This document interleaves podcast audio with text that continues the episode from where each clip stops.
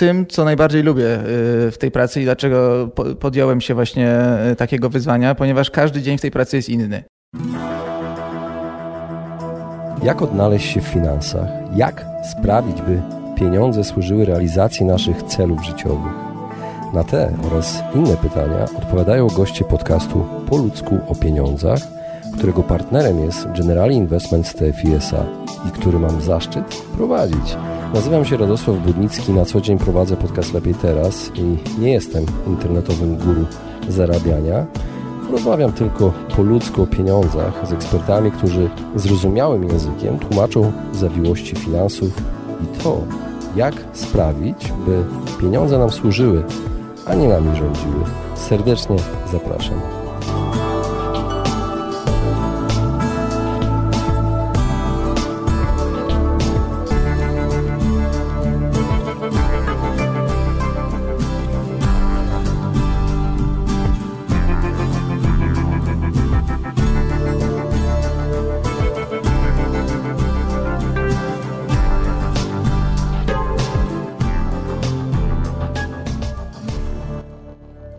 Witam Was serdecznie w kolejnym odcinku podcastu Po ludzku o pieniądzach. Dzisiaj moim gościem jest Marek Straszak, e, zarządzający, tak zwany zarządzający, pracujący na co dzień w General Investment Steffi. Dzisiaj z Markiem porozmawiam na temat jego pracy, na temat różnic między portfelami a funduszami. Dowiemy się, w jaki sposób podejmowane są decyzje dotyczące zarządzania pieniędzmi klientów. Także serdecznie zapraszam do wysłuchania tego odcinka. Cześć Marek. Cześć, cześć, witam Cię. Witam Cię serdecznie w podcaście Po ludzku o pieniądzach i dzisiaj dowiedziałem się, że jesteś tak zwanym zarządzającym. Za chwilę powiesz, co to jest. Tak, zgadza się. Chciałbym właśnie dzisiaj z Tobą porozmawiać na temat różnic. Różnic w zarządzaniu tak zwanymi portfelami i funduszami. Jakbyś mógł powiedzieć słuchaczom, kim jesteś, gdzie pracujesz, czym się zajmujesz? Okej, okay, no to wbrew pozorom to nie jest tak, takie łatwe pytanie, ponieważ zawsze jak próbuję tłumaczyć mojej rodzinie czy znajomym to, kim jestem, czy to, czym się zajmuję, to zajmuje mi to bardzo dużo czasu. W banku pracuję, tak? Tak, w banku. Wszyscy myślą, że właśnie pracuję w banku i że jestem taką osobą, która, która przyjmuje klientów przy okienku, doradca klienta. Liczy pieniądze. Tak, liczy pieniądze, wydaje te pieniądze, udziela kredytów. Natomiast no, moja praca polega troszeczkę na, na czymś innym. Ja jestem zarządzającym portfelem i doradcą inwestycyjnym. To znaczy, że zarządzamy środkami, których klienci nam e, powierzą. I na tym polega nasza praca, żeby podejmować takie decyzje, które sprawią, że klient będzie zadowolony. To ty podejmujesz decyzje dotyczące tego, gdzie dane pieniądze, środki klienta, który powiedzmy zainwestował 10 tysięcy e, powiedzmy dolarów e, w jakiś fundusz, i to ty podejmujesz decyzję, gdzie te pieniądze pójdą? To znaczy tak, no nasza decyzja jest, yy, polega na tym, żeby klientowi zaoferować najlepsze możliwe klasy aktywów, które są, mają najlepsze perspektywy w tym momencie oraz pokazać mu, jaki udział tych klas aktywów w swoim portfelu, y, swoim portfelu dać. Ale zawsze klient na koniec decyduje, tak? To, to znaczy nie, jeżeli klient, właśnie na tym to polega usługa y, zarządzania portfelem. Klient oddaje nam nasze środki i my mamy yy, wolną, rękę. wolną rękę do tego, jak te, jak te środki inwestować. Oczywiście klient może dać tak zwane limity, wśród których możemy się poruszać, natomiast w co inwestujemy w ramach tych limitów, no to już jest właśnie nasza decyzja. Dobrze. A czym jeszcze zajmuje się zarządzający? Bo słyszałem, że jest jeszcze drugie takie stanowisko jak analityk w TFI. Czy dobrze się wyraziłem? E, tak, zazwyczaj w TFI są zarówno analitycy, jak i zarządzający. Natomiast główną różnicą pomiędzy tymi dwoma stanowiskami jest to, że zarządzający musi podjąć decyzję. Ponieważ i zarówno zarządzający, jak i analityk musi analizować rynki finansowe, musi analizować spółki, w które inwestuje, musi analizować y, to, co się dzieje na świecie, jakąś geopolitykę, jakąś wydarzenia y, finansowe związane na przykład Radą Polityki Pieniężnej, czy na przykład ostatnio jest bardzo, bardzo ważne są wypowiedzi pana Donalda Trumpa, prezydenta Stanów Zjednoczonych i one ruszają rynkami, więc to wszystko musimy być na bieżąco, tylko to samo może robić analityk. Natomiast zarządzający musi wziąć na siebie tą odpowiedzialność podjęcia decyzji i konsekwencji tej decyzji. Czy analityk dostarcza wam niejako informację, a to, co wy zrobicie z tą informacją od was zależy? Dokładnie tak. No dobrze. A jak wygląda typowy dzień pracy zarządzającego? Na którą przychodzisz do pracy? Właśnie ten typowy dzień pracy jest tym, co najbardziej lubię y, w tej pracy i dlaczego podjąłem się właśnie y, takiego wyzwania, ponieważ każdy dzień w tej pracy jest inny. To znaczy, na samym początku dnia, już praktycznie od wstania, zajmujemy się pracą, ponieważ brokerzy, czyli y, domy maklerskie, wysyłają nam pierwsze informacje odnośnie tego, co się działo w nocy, naszej nocy w Stanach Zjednoczonych i na przykład w Azji. I możemy już czytać, ponieważ te wydarzenia mają duży wpływ na to, co się będzie działo w naszym kraju, czy, czy tutaj w Europie y, tego dnia od samego rana. Więc już w czasie drogi do pracy, czy, czy przy śniadaniu możemy te informacje poczytać. Natomiast jak już przychodzimy do pracy około 8-9 godziny, to wtedy oczywiście włączamy komputery i zaczynamy czytać już takie poważniejsze opracowania i kiedy przeczytamy te poważniejsze opracowania, zaznajomimy się ze wszystkimi informacjami, wtedy możemy zacząć podejmować decyzje. A jak to wygląda? To tak, że sam podejmujesz decyzję, bo masz dane, no właśnie, za chwilę do tego dojdziemy, portfel albo jakiś fundusz, który ogarniasz, mówiąc kolokwialnie, i ty po prostu. Czy rozmawiasz z kolegami? Jak to jest? Czy macie jakieś spotkania, takie konsylia? Oczywiście, to wszystko, wszystko, co powiedziałeś, jest prawdą. To znaczy, zarówno rozmawiamy z kolegami, rozmawiamy z analitykami y, zewnętrznymi, właśnie z, z domów maklerskich, rozmawiamy z samymi spółkami. Właśnie często nasza praca polega nie tylko na siedzeniu przy biurku, tylko polega też na tym, że y, bardzo dużo też y, chodzimy na konferencje organizowane przez biura maklerskie, organizowane przez same spółki, konferencje wynikowe, na których na przykład przedstawiciele spółek przedstawiają wyniki, które te spółki osiągnęły w danym kwartale. To też jest dla nas bardzo duże, mm, takie i ważne źródło informacji przy podejmowaniu decyzji. Więc ta praca tak naprawdę to nie jest tak, że przychodzimy codziennie do pracy i ta praca jest taka sama, że od 9 do 17 klepiemy jedną rzecz, tylko jest taka, że tak naprawdę ja przychodząc do pracy czasami nie wiem, co się wydarzy i dla mnie nie to jest... o której wrócisz też do domu? Nie wiem, o której wrócę do domu, nie wiem, nie wiem, nie wiem, jak to całe będzie wyglądać. Wiem, że mam jakieś konferencje, jakieś spotkania, nie wiem, ile one będzie trwało, no ale to jest ciekawe, to jest takie bardzo dynamiczne i mnie to na przykład bardzo bardzo odpowiada i dlatego bardzo lubię tę pracę. Trochę mi przypomina taką pracę jak e, Wilk z Wall Street. Chociaż nie, to źle nie, tutaj się muszę zaprzeczyć, zaprzeczyć naszej firmie. Takich rzeczy się nie robi jak Wilk z Wall Street, więc tutaj stanowczo zaprzeczę. Okej, okay, jest kodeks etyczny jakiś. Tak, tak, tak. Kiedy ostatnio, przy jakiej sytuacji ostatnio pamiętasz właśnie taki dzień, że był totalnie rozwalony przez co coś się działo politycznie albo ekonomicznie na świecie? Możesz podać przykład takiej sytuacji? No ja, może to nie jest ostatni przykład, ale podam taki przykład yy, Brexitu, kiedy była decyzja o tym, że zapada, było głosowanie na temat Brexitu, to pamiętam, że to był chyba 2016 rok. Moja siostra miała wtedy y, wesele. Ja musiałem wyjechać, chciałem wziąć jeden dzień urlopu wcześniej z pracy. Wesele było oczywiście w sobotę, natomiast y, Brexit i głosowanie na temat Brexitu y, było w piątek. I okazało, wszyscy myśleli, że do tego Brexitu nie dojdzie. To się wydawało nieprawdopodobne. Natomiast yy, okazało się jednak, że Brytyjczycy zagłosowali za wyjściem z Unii Europejskiej. O włos, tak. Tak, o włos. I do mnie szef rano dzwoni, pamiętam, że jeszcze spałem wtedy i szef do mnie rano dzwoni o siódmej, Marek, co mam robić z swoimi portfelami, bo wszystko się, wszystko się waliło. Natomiast y, z tego, co pamiętam, akurat ja nie, nie podjąłem żadnych decyzji, bo no, no też musiałem przeanalizować to wszystko i w sumie dobrze, bo tak było, że dwa pierwsze dni były takiej totalnej, totalnych spadków, natomiast w późniejszych dniach to wszystko zostało odrobione, więc prawdopodobnie jakbym sprzedał wtedy, czy jakoś skrócił pozycję, no to bym stracił na tym i już bym tego mógł nie odzyskać. Więc czasami w takich wydarzeniach, które się dzieją, lepiej czasami nie reagować, poczekać, co się stanie na, spokojnie, na spokojną głowę, niż podejmować takie szybkie decyzje, które mogłyby potem wpłynąć na gorszy wynik. No właśnie, Marek, y, zarządzający to są chyba stoicy, co? Jak nie planowałem tego pytania, ale samo mi się nasunęło. Wiesz co, poznałem dużo zarządzających w swoim, y, w swoim życiu i oni są naprawdę różni. Niektórzy są taki, tacy bardzo wariaci, ale takim pozytywnym tego znaczeniu słowa, to znaczy, że... Jaka średnia życia jest wśród Mam nadzieję, że długa, ale szybko, kończą, szybko kończą pracę. To Znasz znaczy... tylko młodych. Tak, znam tylko młodych. szybko kończą pracę. No nie ma, nie wydaje mi się, żeby zarządzający na przykład był 60-letni zarządzający czy 70-letni. No tak, takich, może, może to jest też dość, dość młody zawód w Polsce, bo ten rynek kapitałowy wszedł tak naprawdę... Miejmy nadzieję, że o to chodzi. W Polsce tak, że w Polsce wszedł 25 lat temu i, i i że wydaje mi się, że to jest tak mniej więcej o to chodzi. No dobrze. Słyszałem takie, posługujecie się różnymi takimi trudnymi e, sformułowaniami. Na przykład kiedyś słyszałem w jednym z podcastów takie słowo jak pokrycie spółki, tak brzydko brzmi to trochę. Co znaczy, Tak, że wy pokrywacie spółki? Jak to wygląda? No pokrywamy spółki, znaczy w ogóle rynek finansowy i taki nasz rynek kapitałowy ma bardzo taki swój taki ograniczony slang, tak, slang, więc to osoba, która jest z zewnątrz prawdopodobnie dużo z tego nie rozumie. Y, Czasami ja, na przykład jak ja byłem młodym analitykiem, to też musiałem w to wszystko wejść, ale to czasem no po prostu inaczej się nie rozmawia, bo czasami są takie wyrażenia, które zastępuje całe zdanie.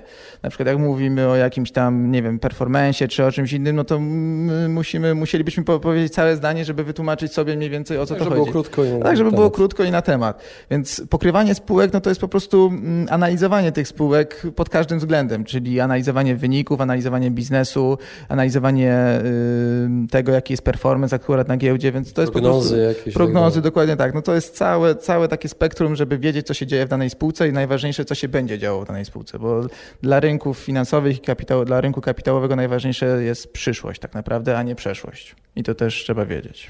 No dobrze, to interesują Cię e, kursy akcji, różnego rodzaju spółek. Jakie, Dokładnie jeszcze, tak. jakie jeszcze instrumenty Cię interesują? Co jeszcze Cię No interesuje? na pewno interesuje mnie tak y, również y, surowce, również obligacje są bardzo ważne i w dużej części naszych portfeli te obligacje również funkcjonują. Obligacje wydawane przez państwa, tak? Wydawane przez państwa, ale również obligacje korporacyjne, no bo bardzo Emitowane przez firmy. Przez firmy, tak, emitowane przez firmy, y, ponieważ no, spółki mm, często przychodzą do nas po, po kapitał, bo spółki mogą emitować zarówno akcje, ale mogą także finansować się dłużnie, czyli brać zamiast kredytu, to jest taka opcja inna dla kredytu. I emitują obligacje i wtedy my im pożyczamy pieniądze, no i yy, mając nadzieję, za, że za parę lat oni nam te pieniądze oddadzą. No właśnie. Teraz przejdę do pytania dotyczącego jednego takiego określenia portfel. Co Portfel. według Was oznacza portfel? Co, to, co wchodzi w ten portfel? No, portfel to jest zbiór instrumentów, który, który w, w, ramach tego, które, w ramach tego portfela, które tam są, w które inwestujemy. Na przykład jest zarówno portfel, jak i fundusz. Tak? Fundusz jest to tak. Fundusz to nie jest portfel. Nie, fundusz to nie jest portfel. Y, Fundusz to jest taka forma zbiorowego inwestowania, w którym y, dużo klientów może inwestować w dany jeden fundusz. Natomiast portfel jest dedykowany dla konkretnego danego klienta. I to Jednego jest klienta. jednego klienta, tak. Czyli to mm, portfele zazwyczaj są właśnie dedykowane dla klientów, którzy potrzebują mieć jakiś produkt finansowy szyty na miarę. Czyli nie, są, nie, nie zadowala ich opcja tylko funduszowa, czyli na przykład limity, które są w danym funduszu, tylko potrzebują mieć produkt dla siebie, potrzebują jakieś swoje wewnętrzne limity, albo potrzebują po prostu mieć taką strategię, które fundusze nie, nie oferują. I wtedy są robione dla takich klientów portfele. A czy prowadzicie portfele dla klientów indywidualnych? Tak, prowadzimy takie klienty dla, dla, dla te, takie portfele dla klientów indywidualnych, natomiast no, g, y, dużym gro naszych klientów są instytucje, bo mamy portfele dla instytucji y, takich, y, dla klientów instytucjonalnych po prostu. Możesz podać rodzaj instytucji, nie konkretną nazwę, tylko rodzaj instytucji. No to są na przykład ubezpieczyciele, to są na przykład spółki, no, no, normalne spółki, tak, które inwestują. Czyli firma ubezpieczeniowa ma po prostu środki swoich klientów i ona inwestuje w portfele Dokładnie prowadzone tak. przez Generali Investments. Investment, tak. TFI. No dobrze, no to już zaczynam to rozumieć. A, fun- a możesz podać przykład, co może wchodzić w taki portfel? Przykładowy. Tak. Oczywiście, no, my na przykład zarządzamy takimi portfelami, które mm, posiadają w swoim spektrum inwestycyjnym akcje na przykład, tak? Więc inwestujemy y, w dane konkretne akcje. Natomiast są również portfele, które inwestują w fundusze. Są to tak zwane portfele funduszy, czyli inwestujemy na przykład w 40 różnych funduszy. My wybieramy te fundusze, które są na całym rynku, spośród, wszystkie, spośród wszystkich funduszy, które są dostępne. Naszym zadaniem jest wybranie takich funduszy, które są najlepsze w danej klasie. I mm, na tym polega też nasza, nasza praca. Oprócz tego też y, decydujemy, czy mają być to fundusze akcyjne, czy mają być to fundusze obligacyjne, jak, jak dużo tych funduszy obligacyjnych, czy fundusze pieniężne, tak samo, czy fundusze surowcowe, czy fundusze akcji zagranicznych. To wszystko, y, na tym, na tym wszystkim polega nasza praca. Okej, czy można e, stworzyć taki portfel, kiedy na przykład ja mam dużo pieniędzy, powiedzmy hipotetycznie, i yy, wspieram ochronę środowiska i chcę, żeby mój portfel składał się z akcji spółek, które inwestują w takie, w takie technologie, wiesz, oczyszczające oceany albo powietrze. Oczywiście, my ma... Elektryczne samochody. Tego. No tak, rozumiem. Yy, mamy takie portfele klientów, którzy właśnie Idee takie mają. tak, mają takie idee i na przykład nie pozwalają nam inwestować w niektóre spółki, nie pozwalają nam inwestować w spółki, które zajmują się wydobywaniem węgla, nie pozwalają nam inwestować w spółki, które zajmują się produkcją energii, takie, która zanieczyszcza środowisko. Więc oczywiście takie spółki mają takie restrykcje, które nie pozwalają na takie inwestycje, a z drugiej strony zachęcają nas, żeby inwestować w spółki, które wspierają tą, tą koncepcję ESG, czyli tak, tak zwanego odpowiedzialnego inwestowania. Są również opracowania, które wskazują na to, że w ciągu ostatnich trzech lat bardzo dużo przyrasta takich inwestorów, którzy chcą wyłącznie według takiej koncepcji inwestować. I bardzo dużo pojawia się też kapitału na rynku i to też sprawia, że wyceny tych spółek, które są zakwalifikowane jako spółki, y, które mm, swoją prowadzą taką odpowiedzialną, odpowiedzialną działalność y, społecznie, ich kursy wzrastają. No i coraz bardziej opłaca się też inwestować w takie spółki. No tak, bo też rządy, wydaje mi się, że na przykład w naszym wypadku Unia Europejska też chyba promuje takie. Oczywiście rządy, ale nawet inicjatywy. instytucje finansowe, Generali, jako cała grupa międzynarodowa, właśnie wspiera y, takie, takie rozwiązania i Generali swoimi własnymi pieniędzmi na przykład nie pozwala inwestować w spółki, które wydobywają węgiel, czy spółki, które produkują taką zanieczyszczoną energię. Świetnie, dobra informacja. Także dla wszystkich, którzy myślą o o zdrowym powietrzu. Dokładnie tak. No, w naszym kraju to jest dość duży problem. Ja pochodzę akurat sam z Krakowa i ostatnio weszły tam przepisy, że nie można palić tam węglem ani drewnem. I przyjechałem ostatnio tam, nie wiem, dwa tygodnie temu do Krakowa i wreszcie mogłem e, oddychać świeżym Naprawdę powietrzem. czuć tą Naprawdę czuć. On, bo ja, ja ogromnie sam... tam cierpię w Krakowie, za każdym razem jak Nie, jest. sam się zdziwiłem, bo kiedyś przyjechałem do Krakowa i jeszcze, nie wiem, jak byłem mały, to nie mówiło się o smogu i wtedy nie było czegoś takiego, że to jest smog, że, że ten, tylko to było takie normalne powietrze. Ja czasami nawet jak się w góry jeździło, to ja myślałem, że to jest takie normalne zimowe powietrze, a dopiero jak się zaczęło mówić, że to jest smog, to wtedy jak już się było takim bardziej yy, uświadomionym, no to faktycznie nie chciało się tam wjeździć w te góry i nie chciało się mm, spędzać tam czasu. Natomiast teraz ostatnio jak przyjechałem do Krakowa, no to czyste powietrze i w ogóle ani, ani śladu, ani śladu tego, yy, tego, tego brzydkiego powietrza. Tak samo pokazują to takie kropeczki, czasami się w internecie sprawdza, jak gdzie powietrze jest zanieczyszczone i teraz Kraków jest jednym z takich yy, lepszych. Można ściągnąć apkę, gdzie, tak, gdzie, tak, tak, dokładnie. Czujniki są. Y, super, czyli osoba, która na przykład inwestuje za pośrednictwem e, General Investments TFI, to w pewien sposób może dobrać sobie portfel tak, żeby też mieć udział w tym. Dokładnie tak. Jeżeli kogoś interesują takie e, inicjatywy, takie inicjatywy to jak najbardziej. Super, podoba mi się to. I podobnie też pytanie, czy cały czas trzymamy się tego przykładu zdrowego środowiska czystego środowiska. Czy fundusze są też takie? Na przykład, które dobierają tego typu spółki? Czy...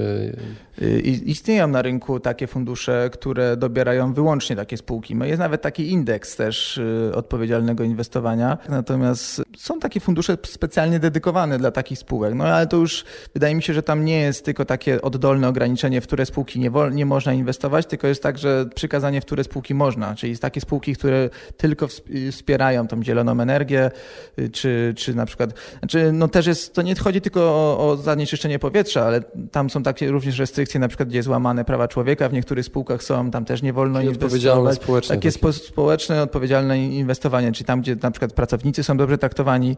Nasza spółka Generali, nasza spółka matka bardzo dobrze bada te tematy i mamy listę restrykcyjną tysiąca spółek, w które my nie możemy inwestować, bo na przykład tam jest napisane, że ta spółka łamie prawa człowieka, ta spółka jest o, oskarżona o przekupstwa, ta spółka jest, ma jakieś inne problemy prawne, więc zawsze zawsze jak się takie coś pojawia, to nasza spółka matka wysyła nam taką listę z takimi spółkami, w które po prostu nie możemy inwestować. No teraz modne wśród w kawiarniach jest pokazywanie, że kawa jest fair trade, prawda? Też. A, no tak, tak, tak. Jest tak, taka tak. moda. No dobrze. E, a jakie są różnice w zarządzaniu portfelami, a funduszami z waszej perspektywy zarządzającego? Czym to się różni tak naprawdę? Szczerze mówiąc, nie różni się to niczym. Mm, tak naprawdę zarządzanie funduszami i portfelami inwestycyjnymi polega na tym samym. Tak naprawdę y, jedyną różnicą, jaką mogę znaleźć sobie w tym momencie, to są limity, ponieważ fundusze ograniczane są limitami wynikające z ustawy o funduszach inwestycyjnych i takimi wewnętrznymi naszymi przepisami. Limity kwotowe? To są limity na, na mm, instrumenty, w które możemy inwestować, to są limity na jak dużo takich y, różnych instrumentów, klas aktywów możemy mieć i na przykład ile możemy mieć danego, danego papieru, czyli danej akcji na przykład albo danej obligacji. Natomiast limity w portfelach ustalane są przez klienta. To klient ustala, ile chce mieć akcji, albo w jakich ramach możemy się poruszać, ile chce mieć obligacji, również w jakich ramach możemy się poruszać, czy to mają być akcje, czy obligacje zagraniczne, czy polskie, czy właśnie mają być to mm, takie akcje czy obligacje, które wspierają tą y, politykę ESG, czy to mają być y, na przykład wyłącznie na przykład akcje amerykańskie, czy wyłącznie akcje polskie, to wszystko zależy od klienta. No tak jak powiedziałem na początku, portfel jest szyty na miarę, szyty jest pod klienta, natomiast no fundusz to jest jednak takie uniwersalne rozwiązanie, które pozwala klientom, no, znaczy no daje klientom jakąś określoną strategię i klient może się na nią zdecydować lub nie.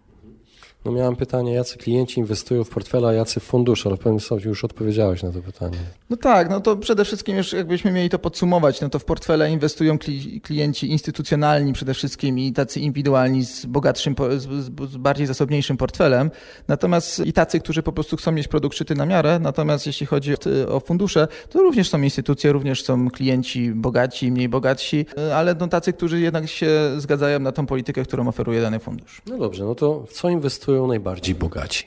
Najbardziej bogaci, no. Myślę, że w portfela już teraz, to na pewno. No nie, nie tylko, nie tylko. No, znaczy oczywiście w portfela, natomiast no, jest takie powiedzenie też na rynku finansowym, że pieniądze lubią ciszę.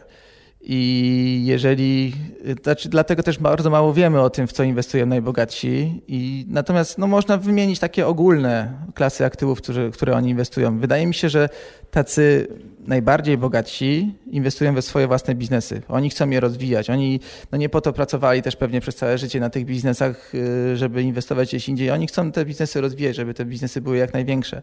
Natomiast jakieś nadwyżki kapitałowe inwestują oni w nieruchomości, w dzieła sztuki, fundusze inwestycyjne. Bardzo często też są na przykład mm, najbardziej bogaci mają własne fundusze inwestycyjne, czy własne, własne fundusze private equity, czy venture capitals, czyli inwestują w takie małe, szybko rozwijające się spółki, które mają oczywiście największe ryzyko, ale mogą też przynieść największy zysk potencjalny. Na przykład, y, no mogę podać taki przykład y, Roberta Lewandowskiego i jego żony. No Robert Lewandowski oczywiście no, inwestuje w nieruchomości, z tego co wiemy, inwestuje w fundusze, właśnie private equity, jest chyba współwłaścicielem jednego z takich funduszy i ten fundusz inwestuje w różne, różne biznesy, ale na przykład jest też taka ciekawostka, Robert Lewandowski zainwestował i ze współpracę z Wistulą i wypuścił swoją linię, taką swoją kolekcję y, garniturów czy koszul i no i to też jest taka jego... Sam sobą reklamuje. Sam sobą reklamuje, tak, reklamował tą Wistulę.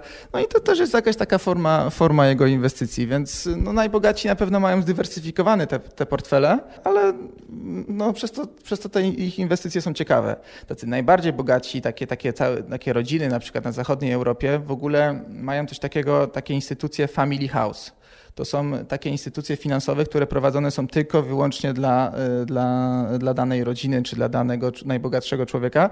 I tam już nie jest tylko asset management, czyli nie zarządza się jego aktywami, tylko tak zwany wealth management. Zarządza się tam e, całym jego bogactwem, czyli na przykład prowadzi się również optymalizację podatkową takiego, e, takiego najbogatszego człowieka.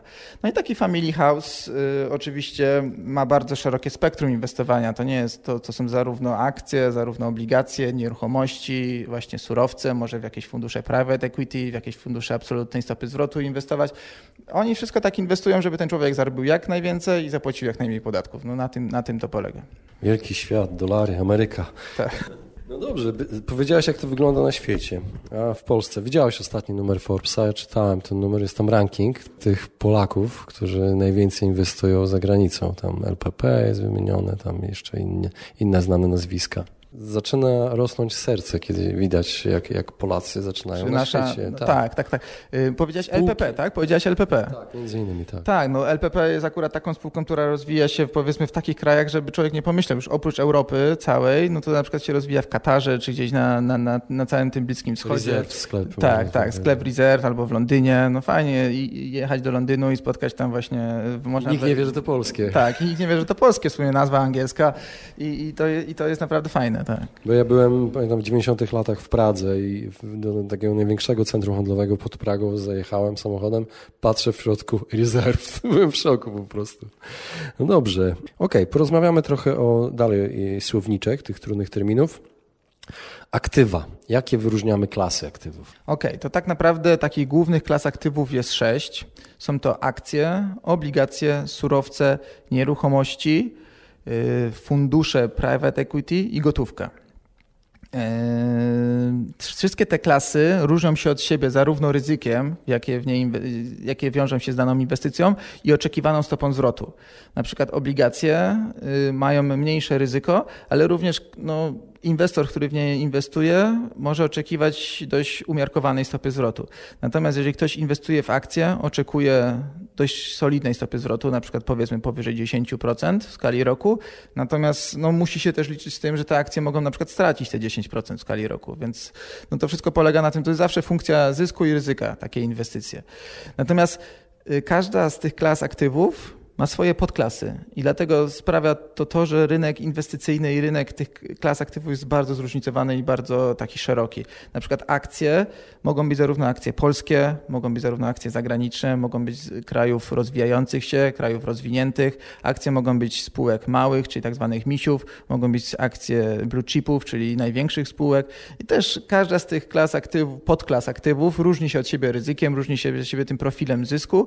Natomiast no, te różnice są już mniejsze, powiedzmy, w ramach danej klasy, ale niż pomiędzy tym, tych, znaczy w ramach danej, tej, w ramach danej klasy, natomiast y, gdzieś tam mm, no na pewno wśród akcji no mamy większe prawdopodobieństwo zysków w ramach danej klasy, czyli akcje polskie tak samo będą, znaczy będą mogły podobnie zyskiwać jak akcje na przykład krajów rozwijających się, niż akcje polskie, y, a obligacje polskie. Tak? To tam różnica i korelacja może być zupełnie różna. Dobrze, Marek, zbliżamy się powoli do końca. Mam jeszcze do Ciebie pytanie, y, bo wymieniłeś te wszystkie aktywa, dużo tego jest. Jak w takim razie wybrać odpowiedni dla siebie sposób inwestowania? To jest bardzo ciężkie, tak? Moim zdaniem na samym początku każdy początkujący inwestor powinien określić sobie pięć takich głównych swoich cech. To znaczy, po pierwsze, cel inwestycji, czego on oczekuje, jaki ma horyzont inwestycyjny, ponieważ im większy horyzont inwestycyjny, tym większe ryzyko możemy wziąć na siebie. Y, też właśnie jakie ryzyko jest w stanie klient zaakceptować, bo są klienci, którzy na przykład w ogóle nie chcieliby, nie chcieliby tracić. Chcieliby, żeby ich portfel zawsze zarabiał, może być to mniejszy zarobek, ale chciałby, chcieliby, żeby zawsze zarabiać i nie akceptują straty. Natomiast są klienci, którzy mogą zaakceptować stratę, ale potrzebowaliby większego zysku. Czwartą rzeczą no to są jakieś uwarunkowania prawne, które dany klient ma, właśnie na przykład to, że nie może inwestować w jakieś tam spółki, czy nie może inwestować w akcje na przykład, czy, czy nie może inwestować w obligacje. A piątą rzeczą no to są takie specyficzne uwarunkowania. Na przykład klient nie chce inwestować w spółki, które na przykład zajmują się produkcją broni albo produkcją tytoniu. Więc no to też zawsze te, mm, te takie aspekty trzeba sobie na samym początku odpowiedzieć. Jeśli miałbym powiedzieć, jak to technicznie wygląda, no to oczywiście albo można poprosić y, jakiegoś eksperta, żeby mógł pomóc w doborze takiego portfela, no albo spróbować samemu, na przykład przez internet, czy, czy, czy w oddziale jakiegoś banku, czy u jakiegoś dystrybutora. A jak y, za waszym pośrednictwem można to zrobić? Wchodzi się na stronę, tak? I tak, za naszym pośrednictwem można wejść na stronę, tam można otworzyć e, sobie swój, swój, swój, profil i w ramach tego profilu możemy już otwierać konkretne rejestry danych funduszy. Jaki link jest do strony? www.generali-investments.pl I tam y, można już znaleźć sposób, tak, tak? tam można znaleźć sposób. Można również zadzwonić na naszą infolinię. Na pewno koledzy i koleżanki z infolinii pomogą zarówno przedrzeć się przez stronę internetową, jak i po prostu telefonicznie można nawet takie zlecenia również składać. Super, dziękuję Ci bardzo za rozmowę. Dziękuję bardzo.